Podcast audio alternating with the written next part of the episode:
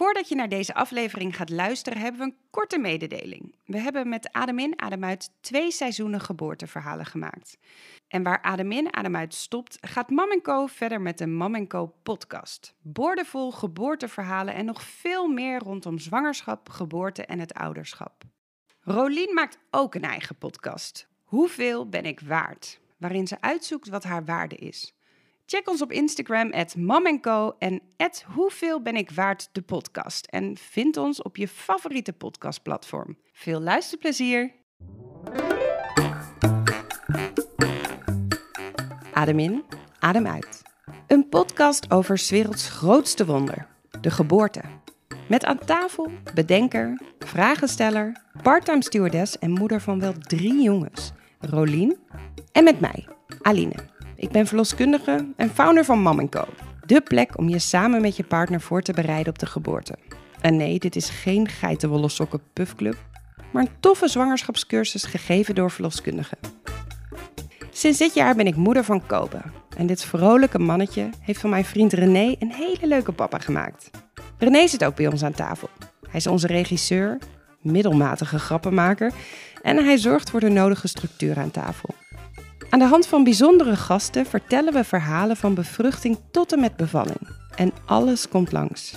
De ontmoeting, de kinderwens, seks, zwangerschapskwaaltjes, die grote dag, maar ook de overgang naar het jonge ouderschap. In deze aflevering het verhaal van Valerie. Toen ze besloot met haar man voor een kindje te gaan, bleef een ijsprong maar uit en bleek haar cyclus veel langer dan normaal. Na allerlei onderzoeken werd PCOS geconstateerd, een hormoonafwijking waarbij je verminderd vruchtbaar bent. Een lange tijd van onzekerheid en wachten ging in. Maar gelukkig kwam dan uiteindelijk toch die positieve zwangerschapstest. Welkom bij het tweede seizoen van. Adem in, adem uit. Precies, we zijn er even niet geweest. We waren even drie maanden eruit, twee maanden. Ja, wat heb jij allemaal gedaan in de tussentijd? Ja, wat heb ik gedaan? Oh, ik ben een paar keer gaan kamperen. En Oh. dat beviel dus heel erg. Ja, dus Sorry. je bent helemaal in het kamperen. Wij zitten helemaal in het kamperen, absoluut. Wij Maar, ook, eh, wij ook. Ja, jullie ook, want Ja. jullie zijn Ook ook, gaan- gekampeerd. Ja, Kobetje die eh, was natuurlijk superleuk daar en te gek. En eh, toen kreeg René een hersenvliesontsteking. Hey. ja. Ja, toen was hij heel erg ziek. Ja. In Frankrijk, op de camping, met een baby. Ik was eh, naar Afrika geweest voor documentaire opnames. De dag van vertrek voelde ik me al niet zo top. En toen ging ik terug. Aline haalde me op. En toen zouden we naar, of gingen we naar Zuid-Frankrijk. En toen werd ik daar als ik ziek, ja. En toen naar de dokter. En die dokter zei van, oeh, je bent in Afrika geweest en je hebt een soort van virusverschijnselen. Dus gaan we met spoed naar het ziekenhuis. En dan denk je, dan kom je de spoedeisende hulp binnen en dan ben je in no time geholpen. Nou, nee, dat was niet zo. Zo anders daar. Er was ook joh. een staking, maar achteraf had het ook niet eens heel veel mee te maken. Er Zijn- waren gewoon te weinig doktoren. Dus ik heb daar liggen eilen en zweten en... eh, Zonder dat we wisten wat er was, hè, lag hij Ja. echt gewoon te creperen op de, op de grond van de spoedeisende hulp. Nou, ik heb geschreeuwd daar. Waarom helpen Hij gaat dood! niet? Hij gaat dood! En Ja, toen zei die vrouw... broertje. Ja, hierachter gaan ze ook dood, zei ze Ja, tegen hem. maar dan in het Frans. Dus misschien zei ze ook wel iets heel anders. maar goed, hé, hey, maar lieverd, we hebben toch wel een vet leuke vakantie gehad. Uiteindelijk, we hebben nog vijf dagen, toen werd het Ja. weer beter. En toen hebben we echt gewoon bonusvakantie gemaakt. Ja, Laten we maar, dit was onze zomer een beetje, hè? wel een hoop aan de podcast gedacht, maar... eh, Ja. Maar even laten liggen, hè? Was ook wel lekker. Prima. Eventjes, ja. Maar nu Ja. hebben we echt mega veel zin om weer eh, los te gaan eh, Ja, jongen. met een nieuw seizoen. En eh, vandaag, eh, we gaan je maar meteen even introduceren. Ja, maar er zit iemand heel zwijgzaam te Ja. glimlachen aan tafel. Ja, ik wist niet of ik al mag praten. ik dacht, jullie gaan zo een nieuwe take starten. of, Nee, is maar goed ook, want als jij je bek open had getrokken, uh, helemaal moeten Helemaal mislukt. Welkom, lieve Valerie. Dank zeg ik dat? Ik het goed uit? Ja, Ja. zeker. Ja, welkom in de podcast van het, eer, van het tweede seizoen. De eerste gast Ja. met een mooi verhaal weer. En Ja. jij luisterde naar onze podcast. Ja. En toen heb je met ons contact gezocht. Ja. Wat wij heel leuk vinden. Ik ook. En je vertelde net al in een heel klein toen we elkaar even spraken hier... dat jij heel erg fan bent van bevallen. Nou, Of Van tenminste, van, ja, dat je ja, er vroeger ja, naar het programma keek. Ja, ja wel, ik vertelde dat ik in de auto zat hierheen. En eh, toen dacht ik eh, dat ik vroeger eh, met mijn moeder altijd naar De Bevalling keek. Dat was op SBS6. En daar zag je ook echt alles. Gewoon, je zag die baby er echt uitkomen. was echt fascinerend. En ehm, ja, oh, en One Born Every Minute natuurlijk. Ja. En uh, Call the Midwife tijdens mijn verlof. En ehm, ja, ook, ook al voordat we echt ooit probeerden kinderen te krijgen, eh, bevallingsverhalen. En hoe had je van onze podcast gehoord? Nou, ik eh, heb journalistiek gestudeerd en het was in 2004 ben ik daaraan begonnen. En daar zat ik in de klas bij René. Hey! En nou ja, René en ik konden heel goed met elkaar overweg toen. Zeker. En eh, nu volgen we elkaar nog steeds op Instagram. En dan zag ik dat jij. eh, nou, dat je, ik zag toen eerst van dat je wel eens wat voor Aline deed. En eh, toen ben ik eh, Mam en Co gaan volgen. En toen zag ik de podcast ook voorbij komen. En toen Oh, dacht ja. ik, oh, wat cool. En eh, ja, dus zodoende. Leuk En man. wat doe jij inmiddels? Doe, doe jij iets met je journalistieke achtergrond? Eh, ja, ja, ik eh, werk als eh, ja, content marketeer bij een eh, zorgorganisatie. Ik interview mensen die bij ons werken om ervoor te zorgen dat eh, mensen een beeld krijgen van het werken bij onze organisatie, zodat ze graag bij ons willen werken. Ook positieve verhalen dus verspreiden over hoe leuk Ja. dat eigenlijk ook is. Ja, Mooi bruggetje. En niet alleen maar, Ja, niet alleen ja. maar poepluiers, eh, dat soort dingen. Nee, maar dat is toch... Ik denk dat jij dus een hele mooie kant kan laten zien. ja. Maar hoe begon jouw liefdesverhaal dan, als we het over mooie kanten van het leven hebben? Ja, ehm, nou, zoals ik al zei, ik studeerde dan in Zwolle. Ik wilde graag bij een studentenvereniging, omdat ik eh, mensen wilde leren kennen in Zwolle. Ik wilde ook sporten en toen zei eh, een gezamenlijke vriendin van ons... bij die studentenroeivereniging, daar zijn knappe mannen. daar moet je heen. ja. Maar ieder roeide geval- hij daar ook in een bootje? Nee, nee, ja, nog niet. Nou ja, hij kwam daar later bij. En ehm, ik had hem al eens gezien via een gezamenlijke vriend in de kroeg. En toen probeerde ik al een beetje te flirten, want ik eh, had hem eh, al wel eens gespot. En ik dacht, oh, wat een knappe, innemende vent. Maar hij gaf totaal geen sjoeg, hè. Ik dacht echt, nou... Toen bleek, hij heeft dus, had een vriendin. En dacht ik, oké, maar dat vond ik ook alweer voor een pleit. En ik dacht, oh, dus jij bent niet gevoelig voor vleierij van andere vrouwen. Dat vond ik eigenlijk wel heel leuk. En eh, nou, dat, eh, toen kwam hij bij de vereniging en na een tijdje ging dat uit met zijn vriendin. En, maar ik dacht al, nou, die vent, dat is echt te hoog gegrepen voor mij. En hij is eh, zo knap en zo slim. En ja, toen kwamen, gingen we allebei in het bestuur van de vereniging. En toen op een gegeven moment merkte ik van... Hij komt nu wel heel vaak koffie drinken. en eh, toen begon hij ook een beetje te flirten en zo. En eh, ja, dan bijvoorbeeld altijd naast me komen zitten met eten. En eh, arm om me heen slaan. En maar... Nou, en toen op een dag was daar de kus. En sindsdien hadden we wat. Hoeveel jaar Dus- geleden is dit? Elf jaar geleden. Dat is best een tijd Ja, alweer. dat is Nou. echt. Ik was 22. Dus nu denk ik echt tegen mensen van 22, joh, ga nog lekker eh, Ja. feesten en doen. Maar eh, nee, dat was echt gewoon helemaal. Ik, ja, zodra ik, ja, ik wist, dit, dit is goed. Gewoon rust. Dit voelt goed. En eh, Want jouw vriend heet mijn man heet Arnold. je man. En hoe liep jullie leventje toen? Ging dat snel naar samenwonen? Eh, ja, nou, was wel grappig, want ehm, eh, we hebben in mei wat gekregen. En in juni moest ik op stage in Hoofddorp lopen bij tijdschrift Flair. Toen zeiden we, nou ja, echt even die focus op die stage. Was mijn laatste stage. Ik zou daarna eh, bijna klaar zijn. En hè, niet te hard van stapel lopen.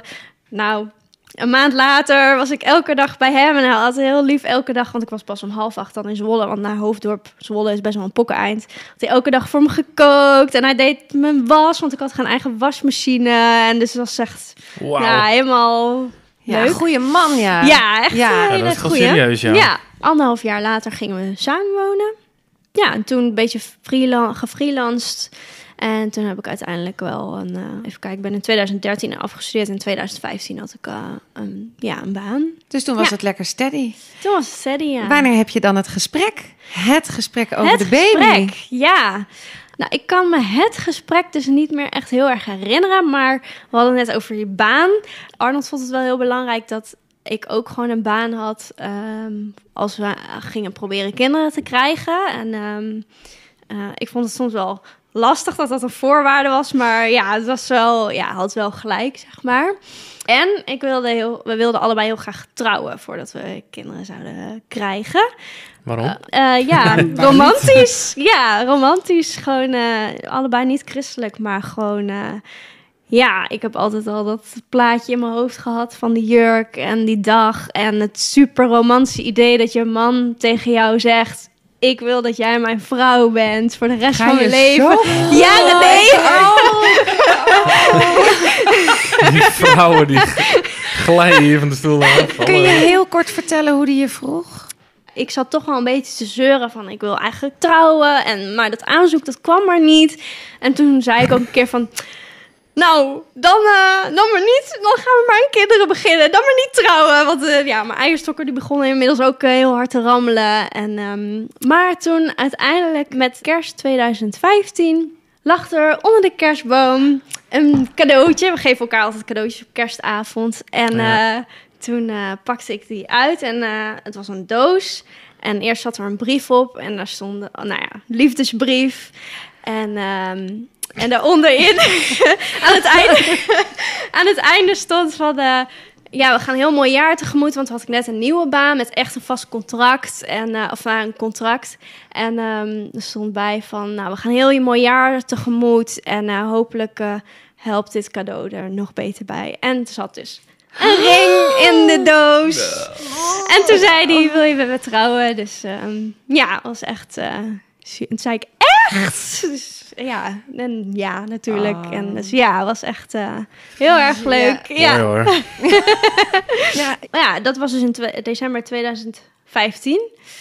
En eh, dan kan ik al gelijk een bruggetje maken naar de kinder, eh, ki- het kindergebeuren. Want ehm, ik had al wel gezegd, nou, ik voelde dus wel een beetje van, nou ja, dan maar niet trouwen. Da- dan wil ik heel graag kinderen eh, proberen te krijgen. En ehm, dus in december 2015, volgens mij al wel voor dat huwelijksaanzoek, was ik gestopt met de pil. En toen zei ik van, eh, nou weet je wat, het hoeft nog niet komend jaar, maar ehm, ik ga gewoon, vind je het oké als ik stop met de pil? En dan gebruiken we andere voorbehoedsmiddelen. Maar ja, na een maand kreeg ik eh, onttrekkingsbloeding. Of ja, die, eh, dat is dan de, van je stopweek eh, de, Ja. ongesteld. Ik werd ongesteld. Oh, Ja. sorry. ja, heet dat ook zo? Ja. En, eh, maar toen kwam dus wel dat huwelijksaanzoek. Maar no way dat ik met een dikke buik Nee. in een jurk ging. En Champagne. Ja, ik wilde inderdaad feestje. Ik wilde Ja. champagne en ik wilde... Ik had eh, ehm, een hele slanke jurk. En ik, was, ik ben ook voor mijn huwelijk 13 kilo daarvoor afgevallen. Omdat ik op Wauw. allerbest in mijn vel Ah, wilde ja. zitten. En, eh, ja, te gek. ja, dus no way, José, dat ik zwanger in de jurk zou zitten. Maar ehm, toen, eh, dus ik was ongesteld geworden met de pil.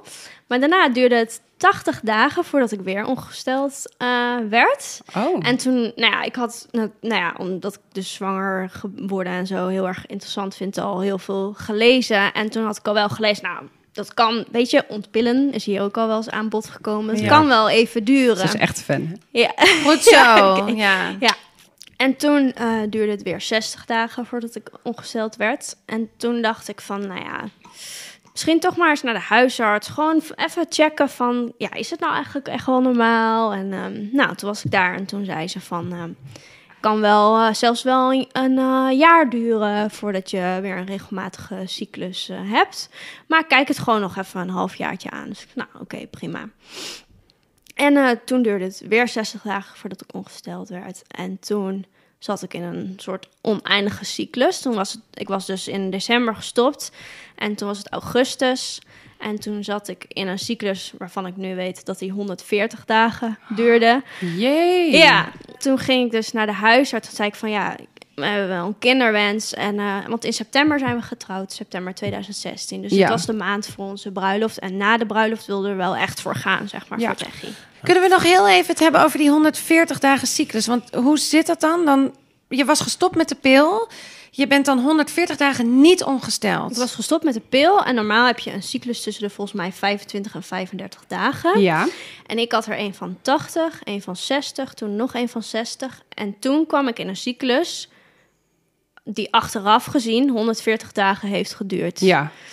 En in, in die derde cyclus zat ik toen ik naar de, voor de tweede keer naar de huisarts ging. Dus in die cyclus van 140 dagen. Ja. Maar toen had ik daarvoor dus al eh, twee keer een cyclus van 60 en één keer een cyclus van 80 dagen gehad. Dus dan ben je maar alleen in die paar keer ongesteld. Ben ik dus maar drie keer ongesteld In een geweest. jaar? Ja, ja to- tot augustus. En, Ja. en dus ook eh, vruchtbaar, neem ik aan. Ja, ja, eh, maar drie ijsprongen inderdaad. En Ja. toen zei de huisarts dus ook, want ik zei we hebben een kinderwens. Toen zei ze, ja, dat is wel lastig mikken als jij ehm, zo weinig ongesteld Ja. bent. En Ja. ook niet regelmatig. En ook niet regelmatig. Maar dat is ook lastig, want wanneer is die ijsprong dan? Ja, geen idee. Nee. Dus ehm, toen zei ze, nou, dan ehm, ehm, verwijs ik je door naar een gynaecoloog. En ehm, ik had eh, toen al wel eh, een hoop, of wel al gelezen over eh, PCOS. Dat is een eh, hormoonafwijking, als ik het goed uitleg. Ik had het vanmiddag nog even opgezocht. Netjes. En daarbij ehm, in je eileiders zitten blijkbaar allemaal ehm, vochtblaasjes. Die eh, één keer per maand wordt dat dan dus je eicel. Maar bij PCOS blijven dat allemaal vochtblaasjes. En die worden dus maar soms een eicel. Dus- En vandaar dat je dus maar zo weinig ongesteld wordt. Want er komt dus maar heel weinig een eicel naar beneden om bevrucht te worden. Ja. waarop jouw lichaam dus niet hoeft te reageren. Dus ook geen menstruatie. Nee, precies. Ja. Dus, maar daar had ik dus al over gelezen en dat dit erbij kon of dat dit het beeld was. Dus ik dacht, het zou misschien wel eens dat kunnen zijn. Nou, toen kwamen we bij de, in oktober bij de gynaecoloog. Ja. En eh, Dat ja, is in het ziekenhuis. in het ziekenhuis.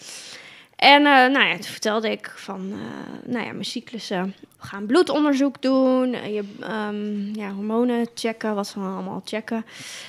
Maar laten we ook een echo maken.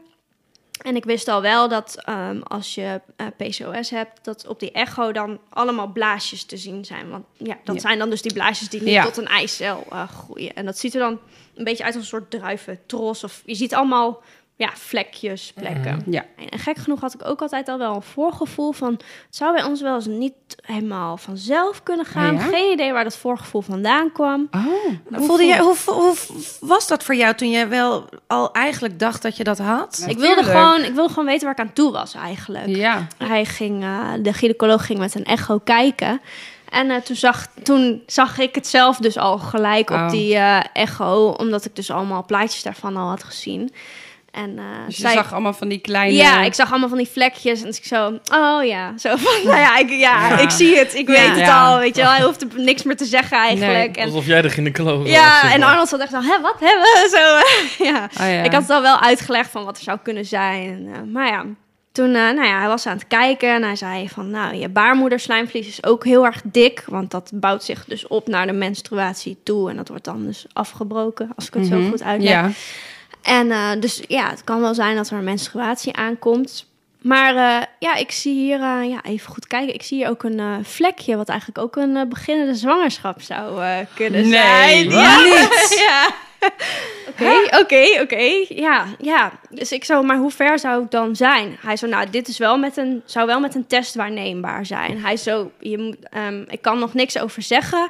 En, ehm, maar ik wil het wel eigenlijk even gezegd hebben. Wacht even. Sorry. Ja, jullie, je, je wist niet wanneer je zwanger kon worden. Heb je Nee. dan heel veel seks gehad ook gewoon? Nou ja, op de, we zijn in september getrouwd en toen zijn we op huwelijksreis geweest. Ja. Maar goed, Condooms Wat, wat vergeten. bedoel je daarmee? Nee, ja. ja, nou ja, in ieder geval ehm, af, gesprek afgerond, je bloed wordt geprikt, hier heb je een labformulier en... eh, dus wij in de auto naar huis. Maar, Nou, wacht, maar ja, oh, ja, wat doe je dan? Ja, ja, wij zijn... voelde, jij, voelde jij iets Nee, of ik voelde helemaal niks. Nee. Je was gewoon jou, Nee. gewoon Valerie. Ik- ja, ja. En wij dachten echt zo... Nou, Jij dacht, nee, ik heb PCOS, dus Ja, nou, dit ja. is het. En dit gaat misschien nog eh, eeuwen duren. Ja, Heeft hij dat ook gezegd, de gynaecoloog van dienst? Dit ja hij zei wel, eh, dit is eh, PCOS. Ja. En, eh, Polycysteus ovarium syndroom. ja, dat. Ja. Dus... En ik heb eigenlijk het gevoel, als we daar nog heel even op mogen inmaken... voordat jij gaat beginnen met Ja. Nieuws waarschijnlijk. Want ik, of Ja, misschien oh, niet, weet ik niet. cliffhanger. weet ik niet. Cliffhanger. weet- ja, weten we Maar niet, ik heb toch best wel het gevoel dat hier veel, veel vrouwen hier aan lijden. ja. 5 à 10 procent zag Nou, ik. 5 à 10 procent Ja, van alle, veel. Ja. Alle vrouwen Ja. in de vruchtbare, Ja. fertile periode. Ja. Ik denk dat het ook voor veel vrouwen heel... dat het wel een heftige situatie eventjes is. Als je dat voor het eerst hoort en je hebt het je niet zoals jij ingelezen... Ja. ja. Dan kan je daar best wel van schrikken. Want je hormoonhuishouden, dat snap je al niet helemaal. Het is in je baarmoeder, dat is ook al een raar iets. En dan Ja. Is het niet ook zo dat als je PCOS hebt, dat je ook andere klachten kan hebben? Ja. Bijvoorbeeld een minder goede huid? Ja, eh, acne, overbeharing en vaak ook vrouwen met overgewicht. Maar ik was net Ja. heel veel afgevallen voor een bruiloft, dus dat had ik ook Ja. niet meer. Nee. Nee, Dus, en je eh, hebt een prachtige huid. Ja, nee, daar had ik, ik had echt zeg maar de classics eh, symptomen Nee. had ik eh, niet. Nee. Nee. Maar goed, dan eh, Ja. de, laten Ja. we teruggaan naar de cliffhanger. Ja, de cliffhanger, Jullie, jullie ja. gingen bloed prikken of wat een labformulier Nee, mee? je zat al in dat de is auto. voor la- Oh ja, de ja, auto, dat was het. Ja, Want dus- hoe kijk je elkaar aan in de ja, auto? echt zo. Huh? Ja, hè? Zou dat dan... Ja, Nou, maar je dat ging zou voor wel... heel iets anders daar naartoe. Ja, En dan, zouden eh, we dan... Zou het dan nu al... Nou, dat... Ja, nou, dus... Naar de supermarkt, test halen. Maar die was negatief, Ja, ja. Oh. ja. Ja, want het was Ah. zo... Maar het zei, Ja. oh, ja, oh nee, maar hij zei Ja, natuurlijk... Oh, je ja kan het en, en de gynaecoloog zei ook van... Ja, ja, ik denk maar... Ja, ik moet het toch zeggen, want ik zie daar iets. En wat het dan geweest is, ook eigenlijk geen idee. Geweest is. Ja, dat vlekje. Ja, dat, Dat is dus geen geen zwangerschap baby geworden. geworden. Nee. Nee, nee, Oh. de test was negatief. Dat Het zie je, was de niet zwanger. cliffhanger. Dus Oh. dat we wel- Ik Ja. dacht helemaal, oh, we gaan Maar direct naar een nee, baby, joh. Maar toen volgden er uiteindelijk meer onderzoeken Ja. in jouw baarmoeder? Ja, bloedonderzoek. En, ehm, Want hoe lang duurde het nu voordat je ongesteld werd? Eh, dat was dus een cyclus van 140 dagen. En Oh, hij ja. had dus gezien dat ik heel dik baarmoederslijmvlies Ja. had. En hij zei van, het zou ook goed kunnen dat je menstruatie eraan zit te komen. En inderdaad, volgens mij werd ik een week later of zo Oh eh, ja. Was dat ook een heftigere menstruatie? Waren Eh, jouw menstruatie überhaupt heftig? Nee, want dat zei ik toen ook tegen hem, van dat ik nooit echt ehm, heel erg zwaar ongesteld ben geweest of zo. Hmm. Dan ga je dus dat bloedonderzoek doen, maar je kunt echt, volgens mij konden we daarna pas weer in december bij het ziekenhuis terecht. Dus dat, dat vond ik ook heel slopend van, oké, je wil nu dat... Je Ja, wil, je wil doorpakken. proberen kinderen te krijgen, Ja. maar je kunt niet al elke maand dat proberen. En dat vond ik heel irritant. Ik wilde gewoon, ehm, ja, die, dat ziekenhuis, dat moest dan nog dat je daar moet wachten op die afspraken. Dat Oh. vond ik heel frustrerend. Je kunt in de tussentijd niks zelf doen. Nee. Ja, je kunt wel wat doen, maar je hebt niet zoveel kans van slagen, zeg maar. Nee. Oh ja, ik bleek, want ze meten ook een bepaalde schildklierwaarde. Eh, dus we zaten daar weer in december en ehm, toen eh, zei hij van ja, je schildklierwaarde, een van die waardes is niet goed. Ja. En eh, we raden af om zwanger te worden met die waarde, want dan zou je een kind met een heel laag IQ kunnen krijgen. Zo, Oh. hallo, hier heb je van bommetje. Ja, ja, dus dat was ook wel. Wat? Ja, dat is dan ook wel. Als ik zeg maar dit onderzoek niet had gehad, dan hadden we het ook geprobeerd en dan hadden we dat nooit geweten natuurlijk. Ja. Dus, maar goed, ik moest eerst naar de internist om daarover te hebben. En daar gaat dan weer tijd overheen. Waar je in, je in de tussentijd mag je dan. Gingen we dus niet proberen kinderen te krijgen. Want hè, stel je voor dat het wel lukt en.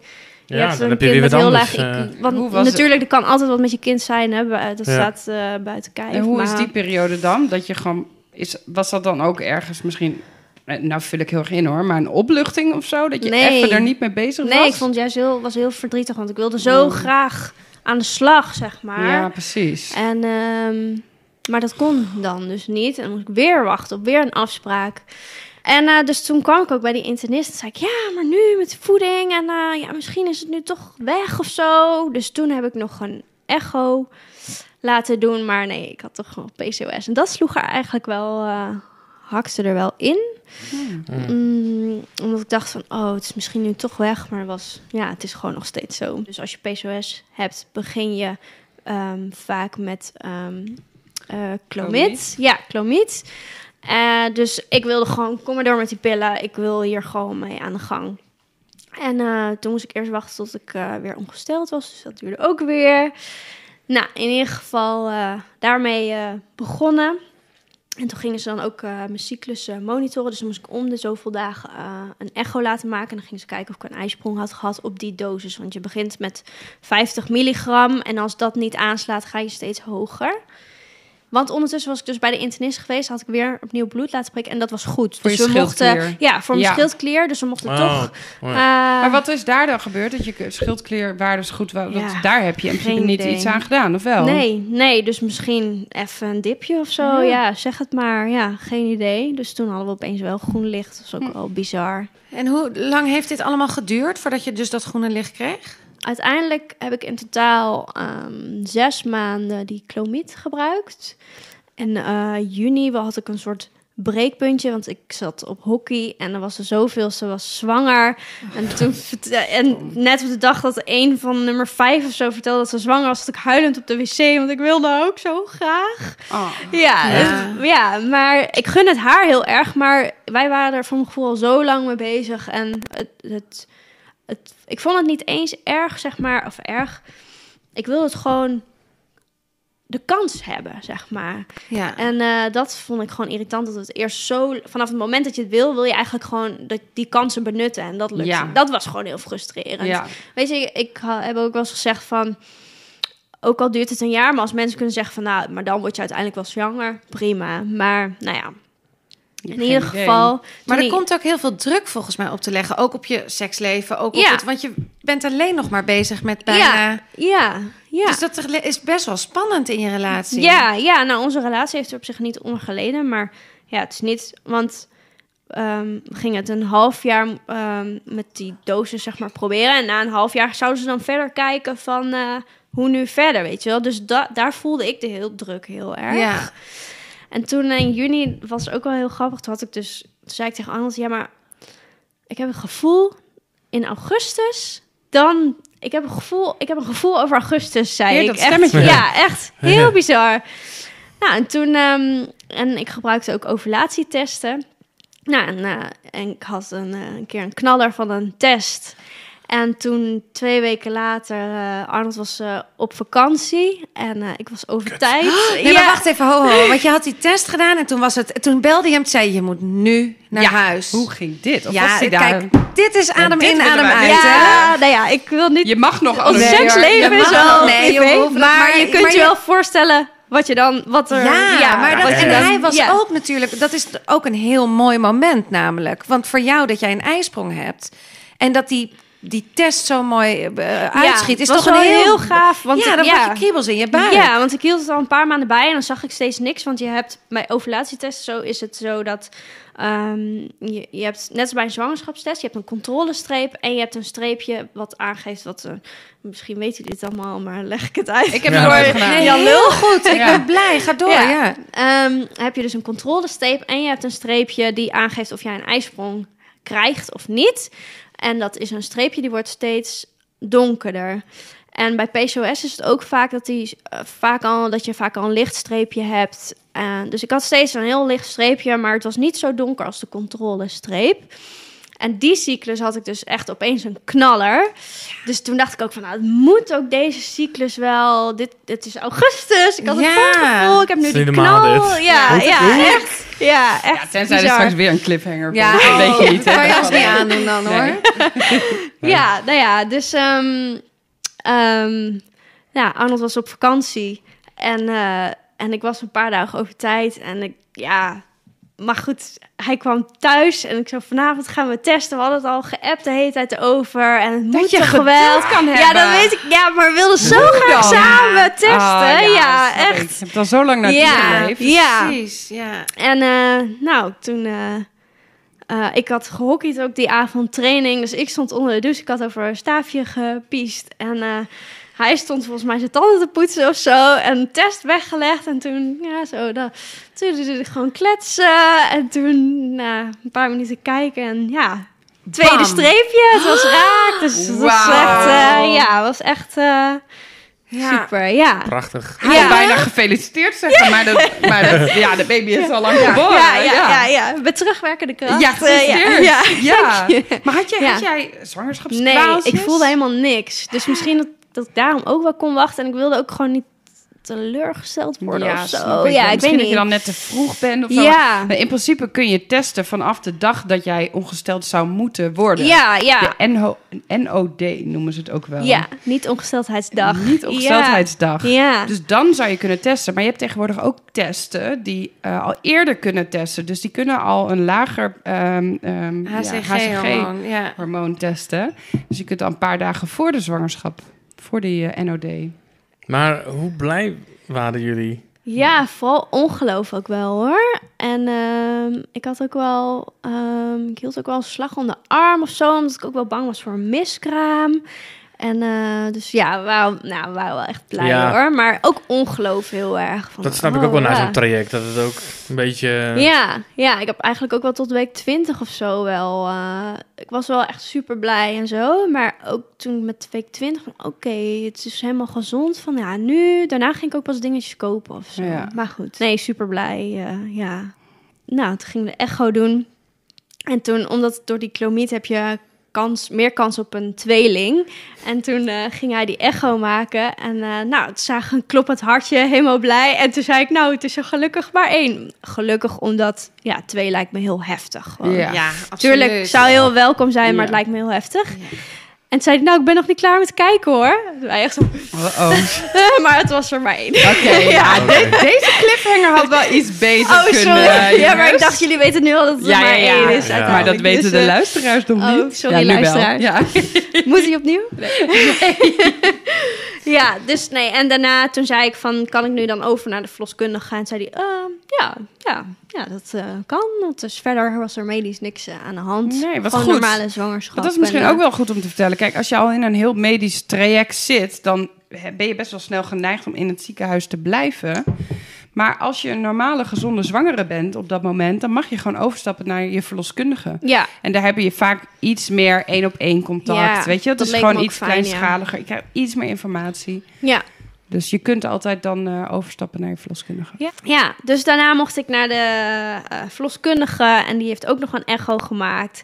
Dat was ook zo leuk, want die, eh, oh kijk nou, en die beentjes schoppen, dit en dat. En dan zit je helemaal zo'n blije zwangere te Oh. zijn en helemaal, ja, gelukkig. En, Ja, man. Ja, Dan ben je gewoon in verwachting. ja, het was echt ja, zo bijzonder Ja. dat je ook denkt van, oh, dat ik dit mag meemaken. Echt zo, zo mooi. Ja, Ja, echt het- heel blij mee. Je, had je ook zoiets van, dit is gewoon extra, extra beloning of zo? Dat je daar nog bewuster van genoot? Nou, ik was wel heel erg bewust van het feit dat ik het mocht meemaken. Wij hebben in onze omgeving ook best wel wat stellen die eh, met vruchtbaarheidsproblemen en nog, ik zeg ook altijd wel van, tussen aanhalingstekens, ze stelden niet zoveel voor. En uiteindelijk, ik heb geen hormonen hoeven spuiten of weet ik veel. Uiteindelijk hebben we het natuurlijk wel gewoon op de natuurlijke manier een kind gekregen. We hadden, moesten alleen even in het zadel geholpen werden. Ja.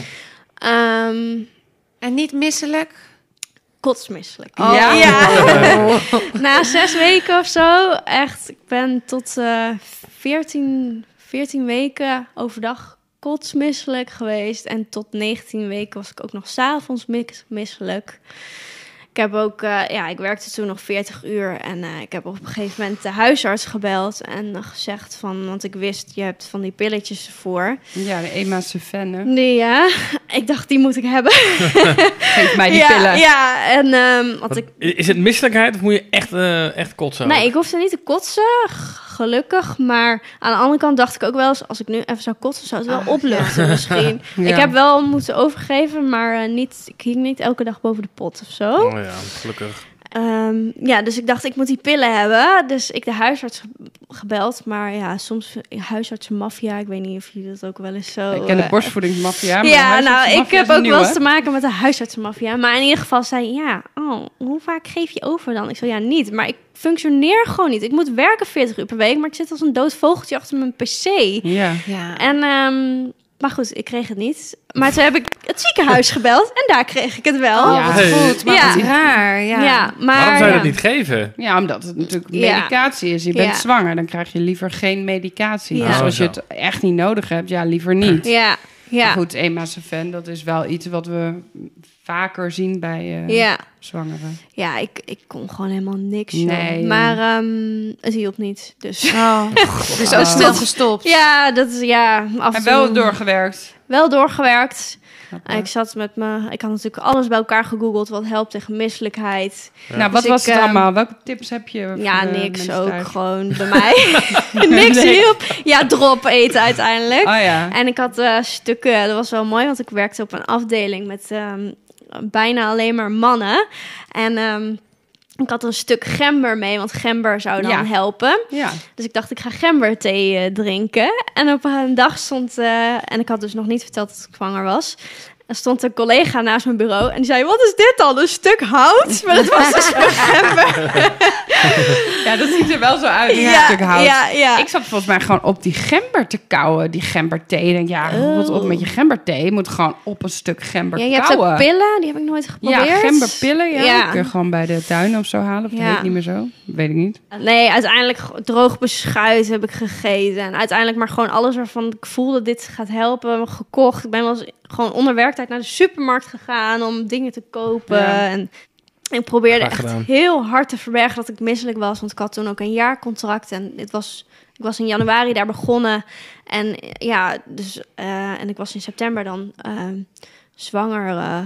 of ja, was Ja. mijn Ja, eerste zwangerschapmaand. ja. Dus ik wilde ook, ja, ik wilde ook me nog steeds bewijzen. Ik wilde ook graag contractverlenging. En ik dacht, ja, ik moet wel eh, alles eh, eraan doen om eh, goed te werken, zeg Ja. maar. Maar ja, het was zo lastig. En ehm, nou, toen op een dag, toen was ik volgens mij eh, tien weken zwanger of zo. Toen ehm, zei mijn manager van, ja, Valerie, kun je zo even komen? Zei, ja, Jij zo, ja, ja.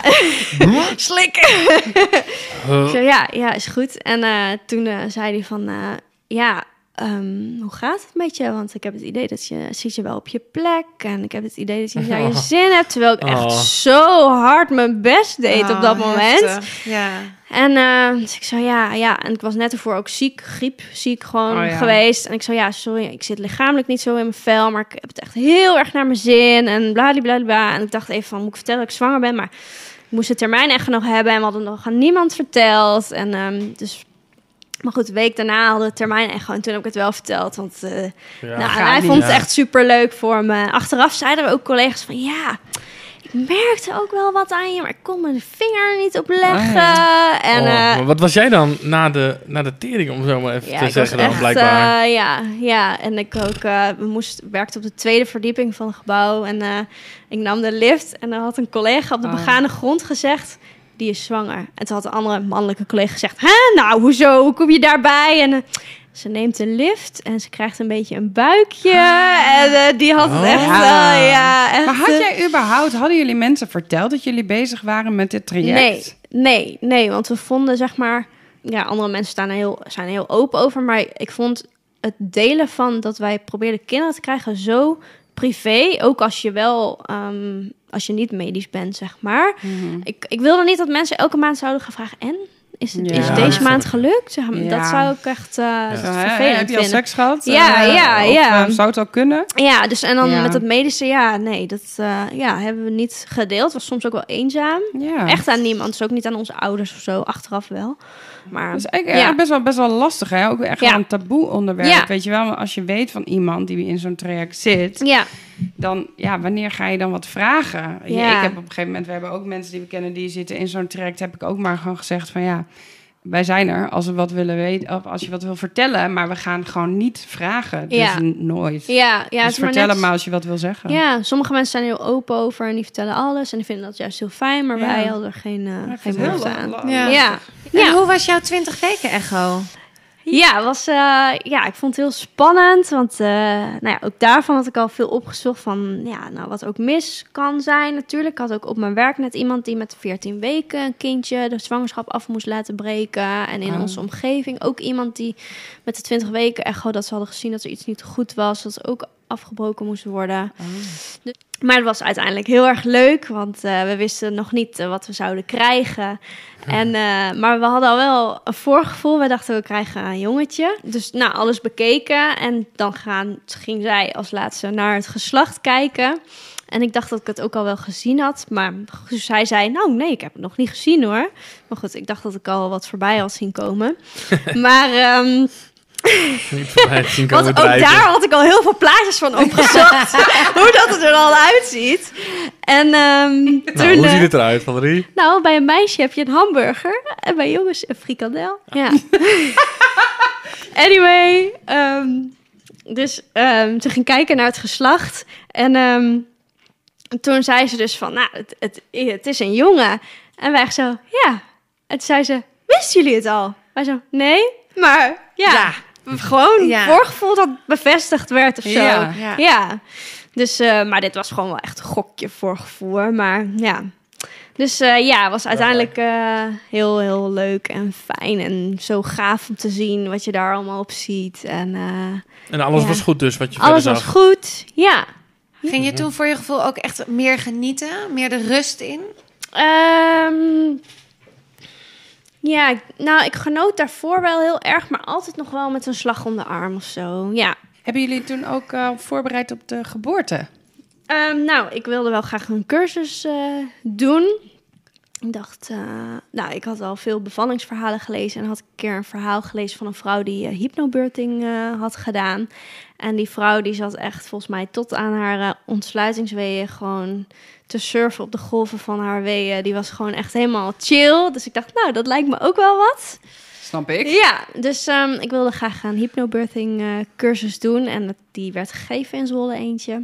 Hm. En, ehm, maar ik moest eerst Arnold wel enorm overtuigen ervan. Want die dacht dat het heel zweverig zou zijn. Dat viel heel erg mee. Ik kan het echt iedereen aanraden. Het was ook... Het was eigenlijk vooral ging het over ademhalingstechnieken en ontspanningstechnieken. Maar ook heel praktische info van, nou, wat gebeurt er nou eigenlijk als zo'n kind door dat geboortekanaal komt? Dus ik wist bijvoorbeeld niet dat hij nog een draai maakt aan het einde. Dat soort dingen kwamen ook gewoon eh, aan bod. Het was eigenlijk heel nuchter.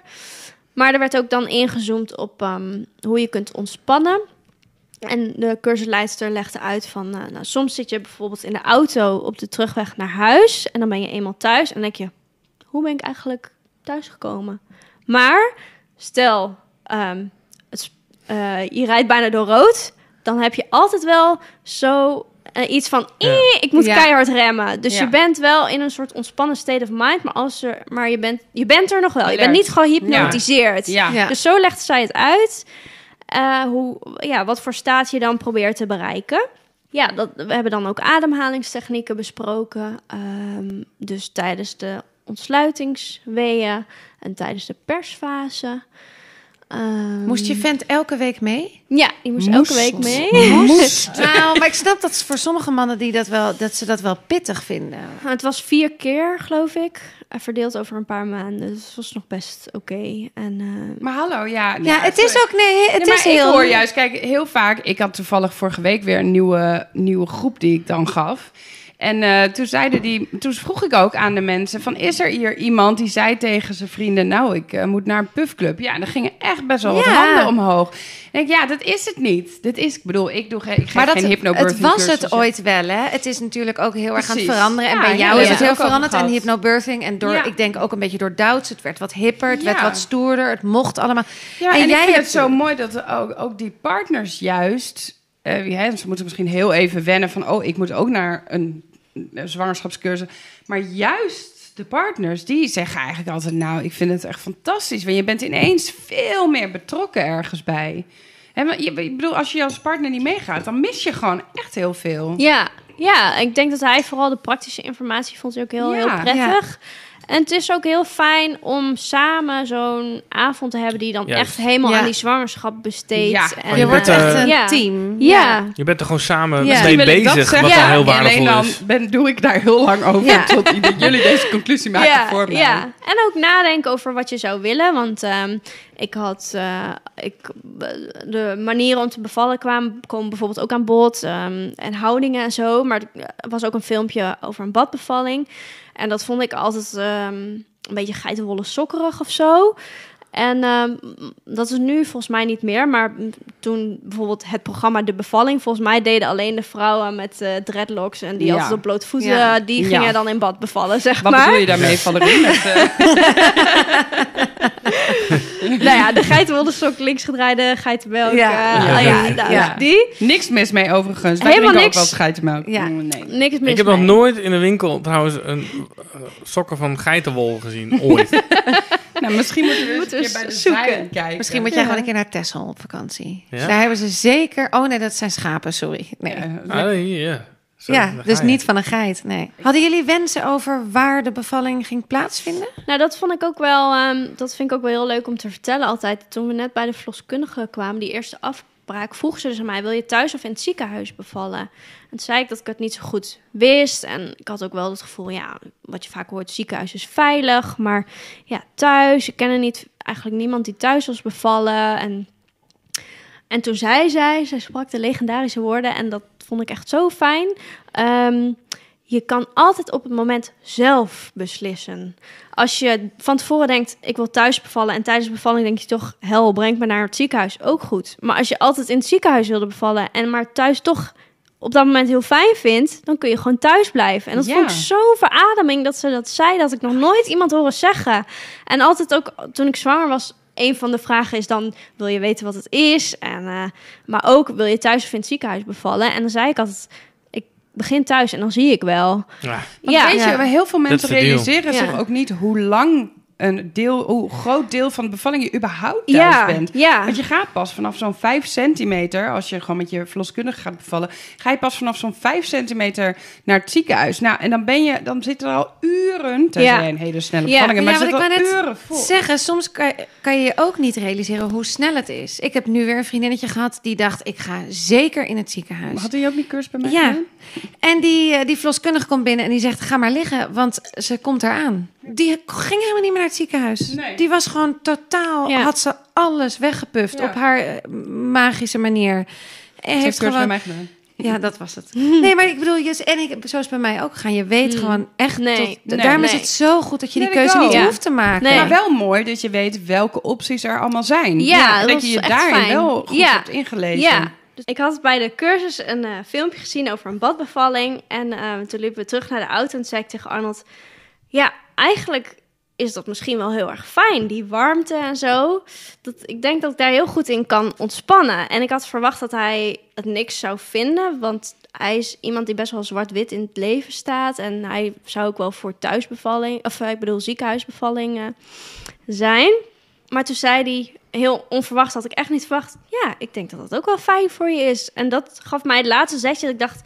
Nou, ik denk dat ik wel in bad wil eh, bevallen. Dus dat uitgezocht en een eh, bad eh, besteld. Nice. Dus dat, dat was mijn plan. Ja. Maar nog een, terug naar mijn zwangerschap. Ik had nog een obstakel, twee obstakels die ik kon gaan nemen. Want ehm, ik had een jaarcontract Oh ja. en dat zou verlengd moeten worden. Maar dat werd niet verlengd. Oh. Dus dat was heel eh kloten. Ja. Ja. Maar en twee weken later, omdat ik PCOS heb, ehm, moest ik een glucosetest eh, doen. En dat is dan te- om te kijken of je geen zwangerschapsdiabetes eh, hebt. Dus ik moest die eh glucosetest, ging ik naar het ziekenhuis. En dan moet je, een, moet je nuchter zijn, volgens mij. Ja. En eh, dan krijg je een drankje, dat is echt zo'n shotglaasje. En het smaakt een beetje naar bedorven 7-Up. En dan, dan moet je twee uur daar zitten, want je mag ook niet weg. Je mag niet Nee. veel bewegen. Klopt. En dat heeft weer invloed op, je, op hoe je lichaam dat dan verwerkt. Oh ja. Ja, nou ja, en toen dacht ik, nou, ik hoor het wel van mijn verloskundige bij de volgende controle. Maar toen werd ik een paar dagen later gebeld dat het net iets te hoog was. Mm. En ehm, dat ik naar het ziekenhuis moest komen. En toen dacht ik, nou, ik zal wel uitleg krijgen over dat ik gezond moet eten. En dat is dat. Want ook daar over zwangerschap diabetes had ik al wel eens wat gelezen. Jij leest natuurlijk alles. Maar, Maar- ja, toen kwam ik daar en toen zeiden ze van... ja, maar je hebt zwangerschapsdiabetes. En toen schrok ik eigenlijk best wel heel erg. Want ik dacht echt van, het valt allemaal wel mee. Maar eh, ja, we gaan het wel behandelen zoals zwangerschapsdiabetes. Dus ik moest dan vier keer per dag mijn bloed prikken... met zo'n dingetje in je vinger. En dan komt dan een bloeddruppel uit. En dan moet je meten eh, wat je glucosegehalte is. Want tijdens je zwangerschap kunnen je hormonen... die hebben dan invloed op de verwerking van je insuline... Ja, En dat is dan verstoord als je zwangerschapsdiabetes Ja, hebt, toch? klopt. Ja. Ja. Dus ehm, En dan kan het ook nog eens zijn, want je hebt dan ook nog een iets hoger risico dat je het op latere leeftijd echt Ja. eh, diabetes gaat Ja. krijgen. ja. En eh, voor de baby is het dan zo dat als je steeds, als je mm, glucose te hoog is, dat als de baby er eenmaal is, Ja. eh, dat hij dan te weinig eh, insuline, nee? Ja, ja maar die heeft dan ook een disbalans daar. Ja, en je hebt meer kans op een grote baby, Ja. volgens mij. Ja, dus ehm, Dus vaak worden mensen op een dieet gezet. ja, En eh, soms als het nodig is, insuline. Ja, dat hoefde ik dan gelukkig niet. Ja. Maar ik moest wel na elke, elke maaltijd prikken. En dan moest dan, moest dan, mocht dan twee uur niet eten. Na, als ik, mocht nee, eten en dan twee uur niet eten en dan prikken. En ik vond het allemaal best wel, ik moest er echt heel erg aan wennen. Ik vond het wel moeilijk. Ik ben echt zo'n grazer die dan na de lunch nog, weet ik veel, een mandarijntje of, eh, nou ja, of iets anders. Het was toen ook Pasen, dus echt de paaseitjes, eh, kom maar door. Dus dat was wel, eh, ja, was wel heftig. In die tijd werden mijn ouders ook allebei ernstig ziek. Dus ik had wel... Ik voelde me toen echt... ehm, ik vond het zo naar dat ik toen uit mijn ehm, zwangerschapsbubbel gehaald werd. Want ik was toen echt zo'n hele blije... ik wilde lekker met mijn buik en... eh, maar goed, dat is allemaal goed gekomen, gelukkig. Maar het was wel echt een turbulente tijd. Want mijn contract werd niet verlengd, mijn ouders werden ziek. Zwangerschap je ouders? Ja, en gaat nu helemaal goed. Oh, ja. oké. Maar Jeetje, dat Ja, is even wel wat op je heftig. ja, het was wel heftig. Ja, ik heb echt uiteindelijk echt super genoten van mijn zwangerschap. Ook omdat ik me zo goed voelde. En, Ja. Ik heb nog heel tot 38 weken heb ik gesport. Ik heb met, met ik, deed, ik doe crossfit, ik gewichtheffen is dat onder andere. En ik heb nog een handstand gedaan met 34 weken. Ik was echt helemaal. eh, En toen Ja. kwam de dag van de bevalling. Ja, nou Arnold was vrij, want het was hemelvaart. En ehm, eh, het was toen geen lekker weer meer. Dus eh, we gingen een lekker dagje Netflixen. En 's ochtends hadden we het erover gehad, want die dag ervoor was ik naar eh, de verloskundige geweest van wat gaan we doen als ik over tijd. Of ja, ik was natuurlijk al over tijd, maar bij de hypnobirthing cursus zeiden ze alles tussen de 37 weken en de 42 weken is op tijd. Dat Ja, is precies. ook waar. Dat Ja, is het gewoon. Dus dat was ook echt, dat vond ik ook een hele fijne mindset. We Want zijn allemaal zo ongeduldig met ons hoofd ja, geworden. oh, 40 weken bereikt en dan Ja, nee, ja, de ja, meeste dus kindjes dat, komen later. ja, en, maar mijn familie was al helemaal... eh, want ik ging met 40 weken op mijn uitgerekende datum nog naar de kapper. En Arnold zei, nee, maar straks bleef je, breek je je vliezen daar. En ik zo, joh, dat komt allemaal wel goed. Joh, daar hebben ze heus En, wel eh, hoor, bij de kapper. en ook weer had ik voorgevoel, ik ga na 40 weken bevallen. Ah, ja. En eh, ja, mm, ook weer nergens op gebaseerd. Maar Jawel, goed, ja. intuïtie, Ja, jongen. intuïtie, ja, gewoon juist ja. lekker eh, ja, nou ja, delen. dus ik dacht nee, dat, dat komt nog niet. En ik voel me nog hartstikke goed. Nou ja. Dus we gingen Netflixen. Eh, ik was dus 40 weken, vier dagen. En ik was die dag ervoor bij de verloskundige geweest. eh, om te vragen van wat gaan we doen als ik over tijd... of echt richting de 42 weken. Want ik wilde absoluut niet ingeleid worden. Want ook daarvan had ik gelezen, dat is heel heftig. En nou ja, 's ochtends over gehad... We gaan het nog lekker lang aankijken en we zien wel. Nou, en toen was het rond 12 uur 's middags. En toen voelde ik de eerste. Voelde ik een krampje. En ik dacht, oh, nou ja, weet je, als zwangere, je voelt van alles. Ik dacht, het zal wel. Zal wel. Ja, ook niet gemeld. En eh na lunchen en toen gingen we Netflixen. En toen eh, rond eh, drie uur, toen dacht ik, nou, jeetje, ik voel nog steeds die krampjes. En nou, het zou best wel eens kunnen dat ze één keer in het kwartier komen of zo. Dus eh, ik heb weeën-timer eh gedownload. En, je niet op eh, je cursus geleerd dat je zo lang mogelijk moet wachten met de weeën-timers? Nee, Ja. nee, dat had ze niet gezegd. Ja, Maar- hoe langer we, als je direct al vanaf het moment één al denkt, hey, hey, hey, dan ga je je al zo focussen op dat. Ja, maar ik had dus niet het gevoel... Ik dacht, oh, ze komen er één keer in het half uur of zo. Ik voelde, ik voelde er eens een keer één. Maar het Ja. ging dus timen. En toen zag ik dus dat ze heel netjes... Het ging een uur timen en toen zag ik... Oh, ze komen elke vijf minuten in plaats Jeetje. van... En ze houden een minuut aan. Maar ik dacht nog steeds, ja, misschien zijn het voorweeën of zo. Ja, ik dacht echt, weet ik veel. Ik heb nog nooit een kind gekregen. Nee. Dus het, ja, het zal wel. Toen had ik twee uur getimed. Toen dacht ik, nou, het is nog steeds zo regelmatig. Toen tweeënhalf uur toen dacht ik, nou ja, misschien is dit het wel.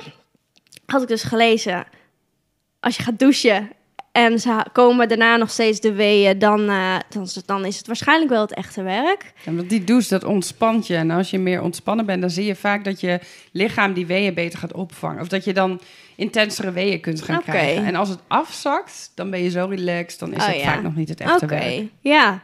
Nou ja, dus ik dacht, dat ga ik maar doen. En dan, ja, ik zie wel.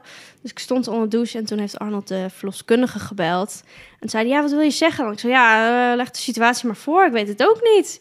En Hoe laat ze- was dit? Dat was om zes uur. S'avonds. Ja, ja zes, dus om twaalf uur had ik het eerste krampje Ja. gevoeld. Om half vier was ik begonnen met timen. En toen om zes uur gebeld, of half zeven. En toen zei ze, nou ja, het is waarschijnlijk wel echt begonnen. En goed dat je onder de douche bent gaan staan. En wil je dat ik kom? Ik zo, nee, nee, ik wilde zo lang mogelijk in mijn bubbel. En ik wilde... Want je zat al helemaal in een bubbel. Nou, ik, Was je nog eh, ik was gewoon nog relaxed. Ik was Ja. nog, gewoon nog relaxed en alert inderdaad. En ook, ik had gelezen van... ehm, ja, dat vrouwen vaak... Ik wilde ook zo lang mogelijk, dat stond dan ook in mijn bevalplan... niet getoucheerd worden, omdat ik niet teleurgesteld wilde worden... over het aantal centimeters, wat je Ja, ook vaak ik. leest. Ik had geen rust meer om Te gaan Netflixen. slapen. Oh ja. En ehm, eh, toen heb ik nog de adressen van de geboortekaartjes eh, ehm, geschreven. En Arnold heeft ondertussen het eh, bevalbad wilde hij opzetten. Nou, en toen, volgens mij was het half negen, zei ze verloskundig van, nou ja, bel om half negen nog maar eens dan hoe het ervoor staat. En ehm, nou, toen gebeld en toen zei ze van, moet komen? En zei ik, nee, nee, blijf nog maar weg, want het ging nog prima. En ik zat met de, ja, tuurlijk, ik moest wel een beetje me concentreren. En, maar ik zat met de kat op schoot mijn weeën op te vangen en ik was nog helemaal chill. En toen zei ze, ja, maar ik wil eigenlijk wel graag naar het hartje luisteren. Ehm, dus toen ehm, is ze wel eh, gekomen en heeft ze naar het hartje geluisterd, maar niet naar een ontsluiting gekeken. Toen eh, ben ik daarna volgens mij het bad ingegaan. En nou, dat was echt heel relaxed. Gewoon een beetje Zij was weer weg. Ja, ze is weer weggegaan. Oh ja. Maar dan zag ze, het is ook Ze wel zei ook van, je bent nog heel alert. Ja, en uh, ze zei, nog wel hierna, ze- meevallen. als je in het bad gaat... en hierna zullen de weeën in kracht toenemen... en dan, dan zul je meer in je, nog meer in jezelf keren. Ja. En, ehm, dus dat was helemaal prima. En toen wilde ze om 11 uur weer, weer een update... Of nee, om half negen had, had ze, is ze nog niet gekomen. Maar toen om 11 uur zei ze van... ja, maar ik wil toch wel graag naar het hartje luisteren of dat goed gaat. En toen ging ze dus om 11 uur weg. En toen zei ze tegen Arnold... probeer jij ook wat te slapen? Want het wordt nog een lange nacht misschien. En, eh, Verwachtingsmanagement. ja, ja, en eh, ze zei, zet maar wat eh, fruit voor Valerie neer. Want dan hè, even wat suiker en zo, wat fris. En dus dat had hij heel lief gedaan. Dus ik had ananas met een vorkje naast mijn bevalbad. Echt super lief. En een bidon met water. Nou ja, dus zij was weg om 11 uur. En eh, hij ging slapen. Maar had 20 minuten geslapen. En toen werd hij wakker van gekreun van mij. Omdat toen de weeën heftiger eh, werden. Maar Ja. even voor het plaatje. Hij lag in bed en jij Ja. in het bad. Ja, In diezelfde ruimte. Ja. Oh, wat gezellig. Ja, en hij wilde tv kijken, maar dat vond ik te heftig Ja. qua lichtflikkering. Ja. Dus hij is hij op zijn iPad eh, gaan kijken. Dus na 11 uur werd het wat heftiger. Toen om 1 uur eh, kwam de, s'nachts kwam de verloskundige. En toen had ik toen. Nou, was ik wel benieuwd van hoe ver ben ik nu. En toen, heeft ze, toen zei ze, ja, ik ben ook wel benieuwd. Dus toen... eh, Oh, ik was super benieuwd. ja. En eh, Die toen... verloskundige denkt alleen maar, van, dat wil niks weten. Ja, Geen idee waar we zijn. eindelijk. Ja. Ja. Nou, ik denk dat we het helemaal niet zo erg vinden als verloskundige. Dat het best wel mooi is dat je Ja, als vrouw gewoon dit soort dingen kan zeggen. Van, Ja, ja, en ik ze- hoef het dan niet te weten. Het was wel grappig trouwens. Ik zat bij een praktijk. Daar hebben ze zeven à acht verloskundigen. En we hadden van tevoren al dienstrooster gezien. En elke dag zaten we rond de uitgerekende datum zaten we te kijken van wie heeft er vandaag dienst. Oh, wat grappig. Ja, en die donderdag had dus wel een van mijn favoriete dienst. Dat was, en die, die dag ervoor was degene waar ik het minste mee had. Die had dienst, maar die had daarna vakantie. Dus ik was heel blij dat ik haar in ieder geval niet Oh ja. meer kon Ja. hebben. Ik had geen hekel aan haar, Nee. maar ik had gewoon geen klik Ja, je met hebt haar. voorkeur, ja, ja. ja. en de rest vond ik allemaal helemaal prima. Maar dit was wel een van mijn Wie favorieten. was het dan? Want Ja, misschien het was- luistert zij wel. Ja, nee, het is... ehm, ja, ze is denk ik rond de 60 en echt een beetje zo'n moederfiguur. Oh, heel I love rustig. En eh, ja, echt gewoon fijn en relaxed. En eh, ja. Eh, nou, ik had dus rond 1 uur 3 à 4 centimeter ontsluiting. En eh, toen Hoe- zei Vond ze... je dat fijn? Ah, ja, toen toen? dacht ik, ja, oké, oké, prima. Dit is wel wat ik van verwacht had. En ehm. Eh, toen ging ze weg en toen zei ze, nou, rond vier uur s'nachts, dan kom ik weer. En, maar ja, toen werd het dus echt wel, intenser. En ehm, toen begon ik ook wel... Het is wel grappig, want als je zoveel van die bevallingsverhalen hebt gezien, zeg maar... dan denk je, wow, wat schreeuwen die vrouwen. En eh, jeetje, nou, ik, ik, niet, ik, ik vond het niet stom... Maar ik dacht wel van, nou, ik ben benieuwd hoe ik erop zal reageren. Maar ik heb er wel een mening over. Nou, nee, nee, nee, nee, maar ik dacht van, ja, jeetje, zou het ook anders kunnen of zo? En met hypnobirthing probeer je dat natuurlijk allemaal met ademhalingstechnieken te doen. Maar vond je dan mensen schreeuwen of vond je mensen geluid maken? Uh, allebei, Oh ja. ja. En wat wel grappig is, ehm, tussen die 11 en 1 uur eh, heb ik, want met hypnobirthing hadden we dus eh, ademhalingstechnieken eh, aangeleerd, maar die vond ik helemaal niet fijn. Golfademhaling. Ja, en je moest vooral vanuit, je moest vanuit je buik, je moet je van je buik een ballon maken, maar dat vond ik dus helemaal niet fijn, want ik had heel erg pijn aan mijn buik. Ja. En dat deed juist pijn en ik ademde best wel hoog, maar dat mag niet tussen aanhalingstekens, want dan kun je gaan hyperventileren. Dus ik was ook weer een beetje van, oh, ik adem niet goed. En, oh. eh, oh, dan mag ik daar wat over zeggen. ja. Kijk, als je, als je hoog ademt en je gaat sneller ademen, dan ga je niet zo snel hyperventileren. Het is vooral als je een disbalans hebt in. eh, als je bijvoorbeeld heel laag ademt en dan heel snel gaat ademen, of heel langzaam en heel hoog gaat ademen. En het is ook wel mooi om te weten, weet je, als je denkt van, oh, dit mag ik niet. Want dat denken vrouwen wel vaker tijdens een bevalling. Ja, maar dat mocht niet, want dat was niet Ja. goed. Als iets goed voelt, maakt het niet uit. Nou, dan is het goed. ja, dat ben ik dus daarna ook gaan doen. Ik dacht, nou, Ja. weet je, dan ga ik maar ademen hoe het wel Als het prettig fijn voelt. is. En dan Ja. zie ik wel. Ja, dan Goed. doe je Ja. echt niks fout. Anders word je daar wel onprettig van. Ja, precies. Ja, dus ik weet niet meer hoe ik ben gaan ademen, maar nou ja, echt, ik heb maar wat gedaan. Ik, want ik had ook elke avond, tij- toen ik nog zwanger was, de, de regenboogontspanning eh, geluisterd. Dat, Is het tijd om te ontspannen. ja. Anyway, de regenboogontspanning is een, eh, een, een, een ja, soort meditatiefragment Ja. van een half uur. En, eh, maar ik viel daar altijd heel erg lekker op in slaap. Heerlijk. Ja. En ehm, dus die wilde ik tijdens de bevalling heb ik die Arnold af laten spelen. En die heeft drie keer afgespeeld. En tijdens die, dat die anderhalf uur kan ik me ook echt, ben ik echt uitgezoomd gewoon. Ik heb alleen maar eh, naar die, dat ding geluisterd. Ik lag lekker te floten op mijn rug. En dat was echt super chill. Dus je had in de zwangerschap hier regelmatig naar geluisterd? ja, Kijk, hey. Ja. Nou, dit is Dit dus wat... Ja, dat vind is ik echt dus- fantastisch. ja. Ja, want je, je bent jezelf dus echt aan het trainen geweest... voor Ja. die geboorte die ging Ja. komen... door middel van het doen van zo'n ontspanningsoefening. ja. Waardoor je daadwerkelijk, wanneer je tijdens de bevalling bent en het gaat doen, is jou, ben je al zo geconditioneerd met dit is ontspannen, dat je veel makkelijker in die ontspanning komt. Ja, en het is wel grappig, want eh, voordat je dan in slaap... Soms haal je het einde van het bandje, zeg maar, niet. nee. En, eh, eh, en het Nooit. begin... En in het begin van de bevalling, ja, kon- je kan het dan op een gegeven moment zo meepraten. En dan concentreer je daar ook op, waardoor je ook een beetje...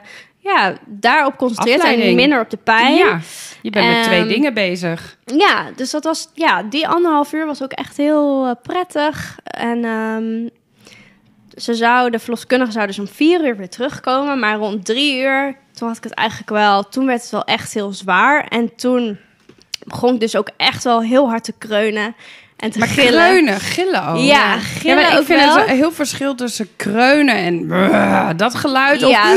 oh, dat je het niet meer nee, het was wel echt zo raar. Ja, van, dat is, eh. dat is juist goed. Ja, nou, ik voelde me ook wel een beetje suf of zo. En ehm, Was je, waarom voelde je je suf?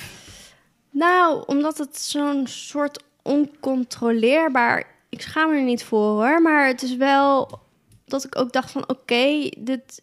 Ik kan me wel voorstellen dat die vrouwen die ik dus gezien had, dat deden. Ja. En, eh, maar ik dacht ook, oh, ik hoop niet dat de buren wakker worden. Dat is dus zo zonde. En die werden dus allebei aan allebei de kanten wakker. Ja, nou, tuurlijk. die zijn Ja, hartstikke blij. blij. Oh nee, ja, die Ja, maar dat is ja. wel zo, want dan ben je toch... Kijk, als jij niet in eh, hier woonde of gehoorig Ja. huis had of zo...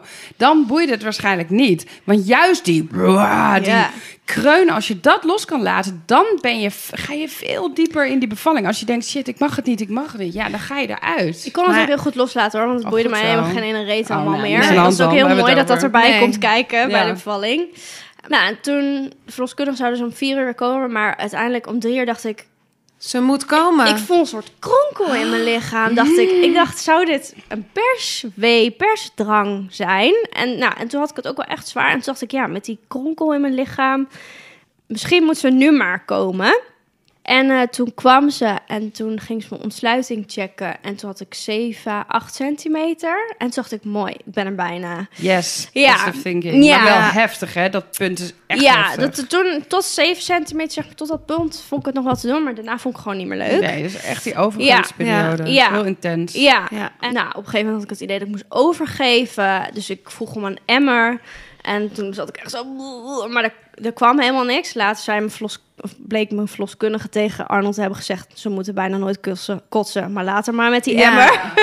Ja, het is gewoon een beetje Ja. voor je gevoel ook Ja, fijn. Ja, ja, maar er is inderdaad. niks meer in je lijf, want Nee. je bent zo hard aan het werk. dat Ik lag echt in zo'n innige omhelzing met dat ding op Ja. mijn linkerzij. En het was eigenlijk heel fijn dat ik daar mijn hoofd in kon steken. En, Oh, maar je lag niet meer in het bad? nee, want toen had ze dus mijn ontsluiting gecheckt. En toen lag ik op mijn zij en ik keek naar het bad. En ik dacht, no, No way, way. dat ik nog van het bed af ga. Ik Gek, wilde hè, gewoon niet meer gewoon- bewegen. Ik wilde gewoon zo oeh, in mijn foetushouding. Ja. Ja. ja. Dingen kunnen zo'n opgave dan ineens zijn. Ja, ja, ik wilde echt niet meer bewegen. En- Maar toen ging ze dus mijn ontsluiting checken en had ik dus 7 à 8 centimeter ontsluiting. Maar ze zei, ik heb ook het idee dat je al een beetje persdrang hebt. Toen dacht ik, oké, het was dus wel dat ik dat voelde.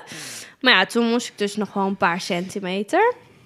En toen, eh, nou ja, op een gegeven moment zei ze, ik heb wat in je badkamer gevonden. Had ze eh, massageolie, ging ze op mijn stuitje zo Ja. masseren. En toen dacht ik, je bent naar mijn badkamer geweest, je hebt daar in mijn kastje gekeken. en je hebt daar olie uitgehaald. Maar ja, oké. fuck Nou ja, dat je dit allemaal kon denken, vind ik best knap. Ja. Ja, ik was nog best wel scherp. Maar goed, in ieder geval, toen... ehm, Hielp dat? Mm, het hielp niet tegen de pijn, want ik voelde het echt in mijn buik. Maar het vlegde wel de aandacht ergens anders Ja. op. Dus Ja. dat was wel fijn. Afleiding. Ja, ja, en ondertussen had ze me toch nog wel geholpen met een beetje die eh, puffen. Toch anders dan tijdens de cursus. En dat Ja. voelde wel fijner. Echt die klassieke... Oh, ja. Wat Arnold voor ging doen. Want ik was eigenlijk alleen maar aan het gillen. En ze zei ook tussen de weeën tegen mij... je moet proberen niet te gillen. En zei ik, ja, ik probeer het echt, maar het lukt. Ik kan gewoon niet anders. Ik kon gewoon nergens meer naartoe met die pijn. Nee, Nee. zo intens. Ja, kwart over vijf eh, ging ze nog een keer kijken. En toen zei ze, ik voel nog een randje. Wat het is. Volgens mij ging ze dan nog De net iets verder. eh, ja. Ja, je voelt dan echt nog dat er een rand zit voor de, eigenlijk een soort van, eh, nou ja, even denken, wat ga ik nou weer, alsof er Mm. een kooltrui over het hoofdje van de baby wordt getrokken. Ja. Dat ben ik dan nu aan het doen, zeg maar. en dan zie je nog net zo'n randje aan één Oh, ja. kant, waardoor die nog niet er helemaal doorheen kan. Dus ja, dan kun je niet door, eh, oh ja, door de het baarmoedermond. hoofd kan er dan nog niet doorheen. Nee, ja. dus dan moet je nog even zuchten. Nou, andere houding werkt ook zo. Nou, ze ging het dus Wegduwen. Ja, tijdens de dat we was best wel pijnlijk. Ja. Ja. Is dat een beetje als toucheren, zeg maar? Of Nee, dat is toucheren. Oh. Alleen wat je dan doet, is die rand, die je dan, ik doe het nu even een beetje voor met mijn handen. Mm. Maar die rand, die duw je dan, of die masseer je dan als het ware Ja. dunner. Ja, je zit dus echt gewoon zo te Ja, te wrijven. En dan, zeker als je een week krijgt, ah, dan Ja. kun je een beetje meeduwen. En dan ben je soms net voorbij die rand. Ja. Klein beetje vals spelen, maar dat Ja. kan echt soms gewoon een uur schelen of zo. Ja. Ja. maar toen zei ze van... Toen vroeg ik op hoeveel centimeter zit ik? En toen zei ze nou 9,8. Oh ja. Later las ik dat het 9 was in het Ja. bevalverslag. Maar toen dacht ik, oké, yes, ik ben er echt. Ik ben er nu echt bijna. Een kwartier later braken de vliezen. Oh, die stonden nog de hele tijd. Ja, ja, het was echt een hele grote golf op het bed met eh, ja, ook bloed en water. En eh, toen zei ze, nou, nu zal de druk op je buik ook wat afnemen. Het was Nee. helder vruchtwater. Nou, toen vroeg ik dus van, ehm, heeft hij in het vruchtwater gepoept of niet? Toen zei ze, ja, ja, ik ga het even bekijken. En toen een paar keer liep ze naar de badkamer om in het licht te kijken op dat matrasje. Ja. Ze kon het niet goed zien. Maar ik was echt als dood dat ik nog naar het ziekenhuis moest. Want op dat, ik had dus, ik wilde niet meer bewegen. Ik wilde Nee. nergens heen. Ik dacht, dikke show, ik blijf hier. En, eh, Dikke show. Dikke show. Dikke show. Mooi. Ja, dat is een beetje zwols, toch? Is dat? Ja, oh ja. Ja, voor mij wel. Zo, hè? Gelukkig, hij had niet in het vruchtwater ge- gepoept. Dus ik mocht eh, verder. Nou, toen eh, eh, een tijdje op bed eh, geperst. En ehm, toen eh, op de baarkruk. En volgens mij, nou ja, een uur eh, geperst. Maar ehm, mijn persweeën waren niet krachtig genoeg. Ik voelde af en toe zo'n kronkel, maar niet altijd voor de rest voelde het gewoon als ontsluitingsweeën. Ja. Dus gewoon die krampen en met zo'n had niet kronkel. echt persdrang. En, ehm, maar ik voelde niet, ik had heel vaak gehoord van vrouwen van die oerkracht. En dan kan ik echt wat mee. Nou, ik kon er echt helemaal niks mee. Ik vond echt helemaal niks. Nee. en, ehm, maar ja, ze kwamen dus ook niet zo vaak. En af en toe voelde ik dus zo'n kronkel. En zei ze, ja, dit was een goede wee. En nu zag ik het hoofdje goed. Ja. eh, en dan ging ze met haar vingers zo van waar ik heen moest persen. Dat deed Ja. ook pijn. Je had gewoon geen Ja. goede persweeën. Nee, ik had Nee. geen goede Nee. persweeën. Dus een uur geprobeerd. En zei ze, weet je, ehm, misschien moet je even proberen te plassen. Want misschien zit er nog eh, urine in je blaas. Wat het... Nou, Ja, waarom nee, nee. eigenlijk? Dat houdt... Als je, als je een volle blaas hebt, dan kan het hoofdje daar precies... Dat, kan, dat zit in de weg, dat zit precies op dezelfde plek. Dus Ja, het kan ja. ervoor zorgen dat er weinig ruimte is. En je baarmoeder kan minder goed samentrekken als, dat, eh, als de Oké. blaas heel vol is. Want het zit daar ook allemaal in Ja. de weg. Nou, het- plassen ja, lukte volgens mij niet echt of zo. Maar op de wc voelde ik op zich wel krachtige weeën. Maar ja, andere houding helpt ook vaak. ja, ja. ja. En Toen zei ze op een gegeven moment... Nou, we hebben nu een uur geperst. We gaan het nog een uur proberen. En anders eh, eh, ja, gaan we toch eh, naar het ziekenhuis. En toen zei ik, oh nee, en ik, ik wil niet in de auto. En ik, wil, ik wil gewoon niet bewegen. Ik wilde gewoon niks. En ehm, toen zei ze, nee, maar dan, dan gaan we met de ambulance. Toen dacht ik, oh, best wel spannend eigenlijk. Leuk. Toen dacht ik, oh, dan maak ik dat ook een keer mee. Mag de sirene ook aan? Mag ik op het knopje drukken? Eigenlijk toen ze dat zei, van we gaan het nog een uur proberen, was ik al wel een beetje klaar mee. Want ik was heel erg moe. Na anderhalf uur had ik het best wel gehad. En toen ging ik weer op de wc zitten. Want ik zei het van, daar voelde het het krachtig. Dus laat ik het daar nog een keer proberen. En in de tussentijd zat ook steeds meer eh, tijd tussen de weeën. Eh, en die, die, die eh, persweeën waren gewoon niet krachtig genoeg. En ik zei, oh, ik ben zo moe. Ik zo... Ik hoef eigenlijk die twee uur niet meer vol te maken. Ik, ik ben er klaar mee. En bel die ambulance maar. En eh, dus toen nog een kwartier geprobeerd. En, maar ja, ze, toen zei ze van... Ja, ik denk dat het wel kan lukken. Het kan denk ik echt wel. En eh, nou ja, proberen, proberen. Maar nou, het lukte niet.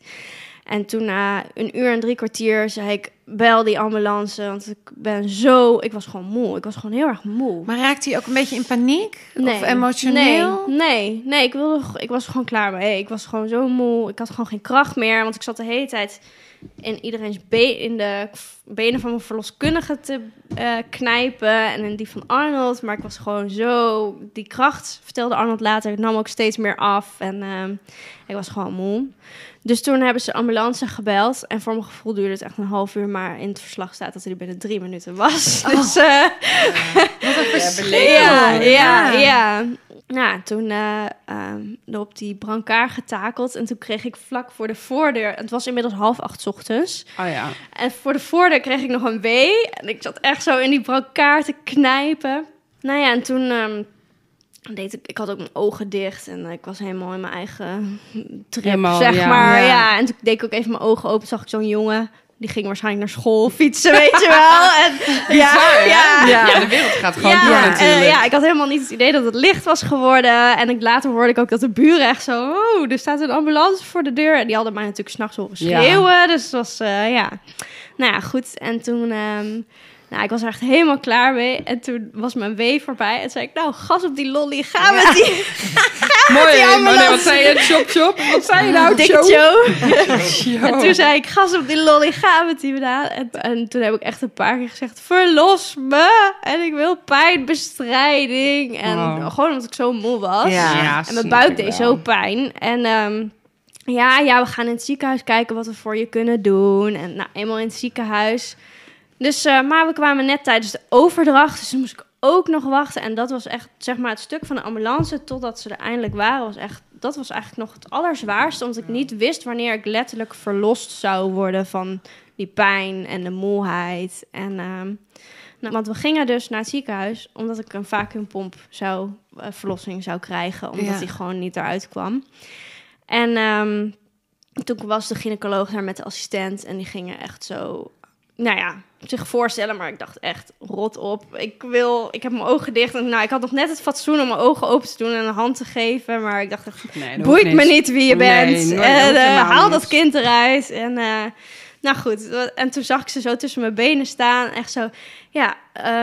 zei dus die gynaecoloog tegen die assistent... ja, eerst zo en dan zo. dat was wel... eh, je deed ja. even een schaar na. Ja, ik Ja. deed een schaar na, ja. Wauw. Ja, en toen, nou ja, ik kreeg dus weeënopwekkers. Toen dacht ik ook al van, straks krijg ik nu ook echt een weeënstorm of zo. Ja, maar die wil je dan, weet je. Ja, kom maar op met Ja, die ideeën. ja, Ja, daar maar- je ja, daar je wel voor. Ja. Ja, maar, dat is, ja, Ja. maar dat is wel waar de mensen dan ook een beetje angstig voor zijn. Terwijl juist die weeën, dat is wat jij nodig had. Terwijl dat, weet, Ja, dat realiseerde ja. je niet, want je was er klaar mee. Ja. omdat je moe bent. Ja, Maar als je juist die weeën weer krijgt, dan krijg je Ja. juist die power. En Ja. dan kun je persen. Ja, Ja. tuurlijk. Juist die. Maar als het niet even goed naar je gecommuniceerd wordt, nee, maar als je dat niet weet, Ja. dan denk je wel, wat? ja ze Daarom zei, ja, beluisteren hoog, mensen de podcast. ja. Ja, hoog maar el, op elke vijf minuten. En ik zo... Ja. ja. Maar goed, in ieder geval, toen pakte ze iets wat eh, een beetje op een snoeischaar lijkt. En toen werd ik dus ingeknipt. Eh, eerst, je dat? eerst verdoving trouwens, Ja. tijdens een wee. En nee, ik voelde een klein prikje en dat was het. Ingeknipt en toen werd die vacuumpomp ingebracht. Voelde als gevrot. Maar ja, toen moest ik meepersen. En ik had ook al wel in mijn bevalplan gezegd van... ik wil wel een spiegel erbij, zodat ik kan zien hoe ver ik ben. Maar ja, in het ziekenhuis ging niet meer gebeuren. Ze waren gewoon daarmee bezig. Ja, op een gegeven moment is het ook klaar. Willen Ja. ze ook gewoon, de baby is voor jou, Ja, was het ja, ook klaar. Inderdaad. En- Maar toen op een gegeven moment zei... En ik wist totaal niet wat er aan de hand was allemaal. En toen zei Arnold op een gegeven moment... Het hoofdje is er al. En toen zei de gynaecoloog... Kijk maar tussen je benen. Maar ik zag echt alleen maar buik. Dus ik vond het echt een super domme opmerking.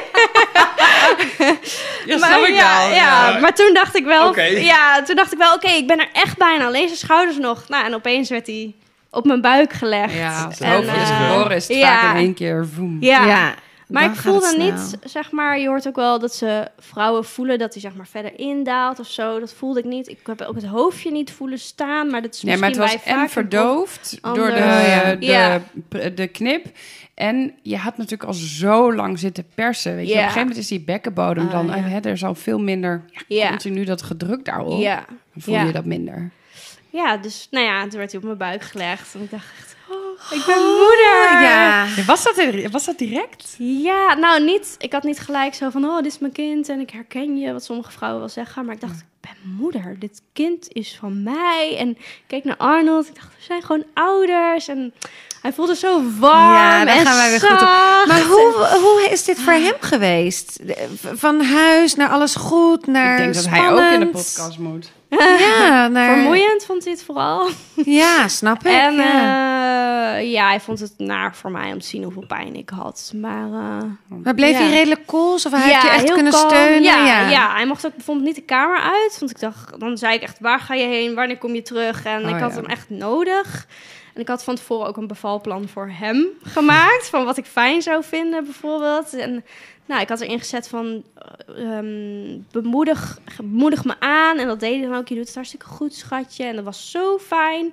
Bizar, hè? Hoe fijn dat is ja, om dat te horen. terwijl hij had natuurlijk geen idee. Maar Nee. omdat hij het zei, dacht ik... hey, het gaat goed. Ja, Dus, alsof ja. hij de elke wee weer... Je doet het goed, schatje. Ja, dat, dat, is was echt keer weer... heel ah. fijn. En met me meepuffen was ook fijn, want ik was anders alleen maar dus uiteindelijk aan het gillen. Maar dat ritme kon ik met hem dan meedoen. Dat was fijn. Mooi. En ja, hij was echt mijn vertrouwingspersoon, zeg maar. Ja. Nee, ja, hoe was het om je man te zien?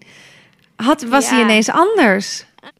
Nee, het klopte gewoon of zo. En ja, het was echt, ja, smelten natuurlijk. Ja. Van ja, hij met ons kind, zo'n klein...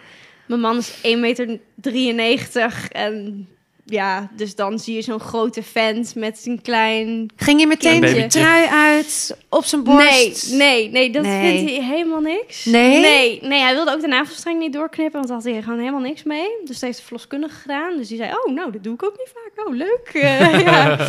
ja, dus eh volgende keer doe ik het zelf, denk ik, of zo. Ja. Ja, Eh, da- bedankt voor het verhaal allereerst. Geen dank.